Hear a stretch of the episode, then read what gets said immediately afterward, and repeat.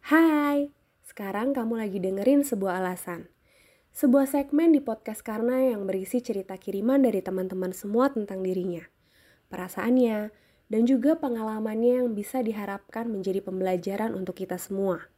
Dan juga sebagai tempat untuk melepaskan keluh kesah melalui media bercerita. Selamat mendengarkan podcast Karna, karena setiap orang memiliki alasannya masing-masing. Kali ini sebuah alasan dapat cerita dari seorang teman. Dia minta disamarkan namanya. Panggil saja aku dengan sebutan Dwi katanya. Sebelumnya terima kasih udah mau bacain cerita aku. Aku selalu ngerasa susah banget untuk bercerita. Apalagi kalau harus ngomong langsung. Tapi kalau dengan tulisan, mudah-mudahan aku bisa lebih leluasa untuk bercerita. Aku sekarang duduk di kelas 11. Ini udah masuk tahun keduaku sekolah dari rumah. Aku anak tunggal. Kedua orang tuaku bekerja.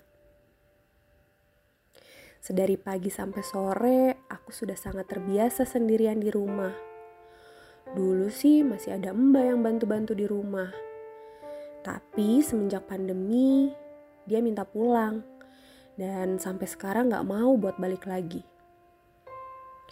Lagi pula pekerjaan di rumah juga udah gak terlalu banyak sih. Aku juga udah terbiasa mengerjakan semuanya sendiri. Aku udah terbiasa dididik mandiri sejak dulu.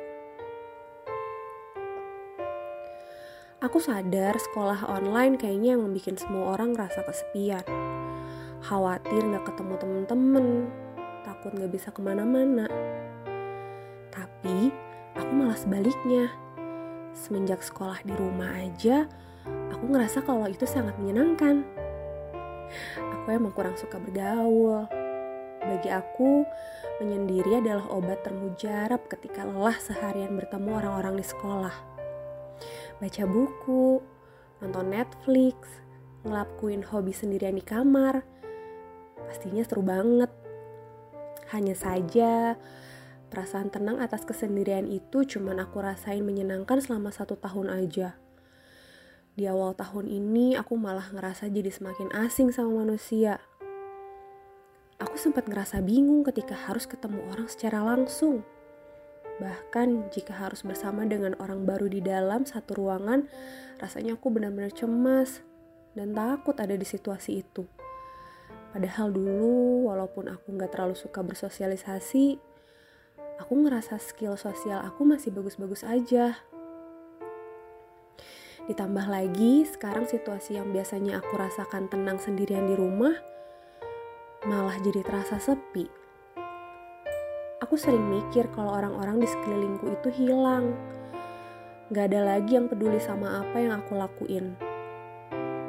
Ayah dan ibu lebih sering di rumah, tapi perasaan sepi malah semakin terasa kita ada di satu rumah, tapi berkegiatan masing-masing.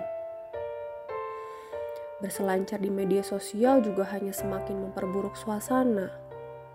Aku rasanya hanya berperan sebagai penonton tanpa terlibat dengan segala keramaian yang ada di dalamnya. Aku dulu merasa gak apa-apa sendiri. Aku dulu ngerasa bisa sendiri, ngerasa suka sendiri, Malahan ketika terlalu banyak orang, aku malah ngerasa terganggu. Tapi kenapa sekarang, ketika semuanya memang udah hilang dan gak ada yang ganggu aku lagi, malah bikin aku ngerasa sepi. Aku bingung sama perasaanku sekarang ini. Makasih kak udah mau dengerin ceritaku.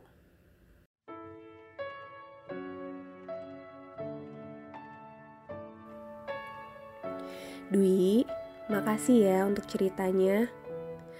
Terkadang memang kesendirian ini terasa menyenangkan. Ternyata rasa kesepian ini juga punya banyak hal yang baik yang bisa kita alami. Kita bisa fokus sama tujuan, bisa melakukan banyak hal sesuai dengan apa yang kita mau, tanpa perlu mempertimbangkan sudut pandang orang lain yang terkadang membuat kita lelah. Dan pada akhirnya, karena kesendirian dan kesepian ini, kita bisa melakukan refleksi diri dan belajar menghargai atas apa yang sudah kita miliki dalam hidup. Mungkin kebingungan yang kamu alami ini adalah proses menuju rasa bersyukur. Bersyukur atas apa yang kita miliki dalam proses kehidupan ketika kita memang menikmati rasa sepi ini. Tenang ya, kamu gak sendirian. Gak cuma kamu aja kok yang merasakan hal ini. Semoga dengan kamu bercerita bisa meringankan dan memberikan kekuatan untuk orang lain di sana yang juga merasakan sendiri dan sepi. Sekali lagi, makasih buat ceritanya. Bercerita punya kekuatan yang berguna bagi dua arah. Bermanfaat bagi yang bercerita sebagai sarana rilis tension, dan juga bermanfaat bagi pendengar sebagai tempat belajar, latihan berempati, dan juga memahami sudut pandang baru. Mari bercerita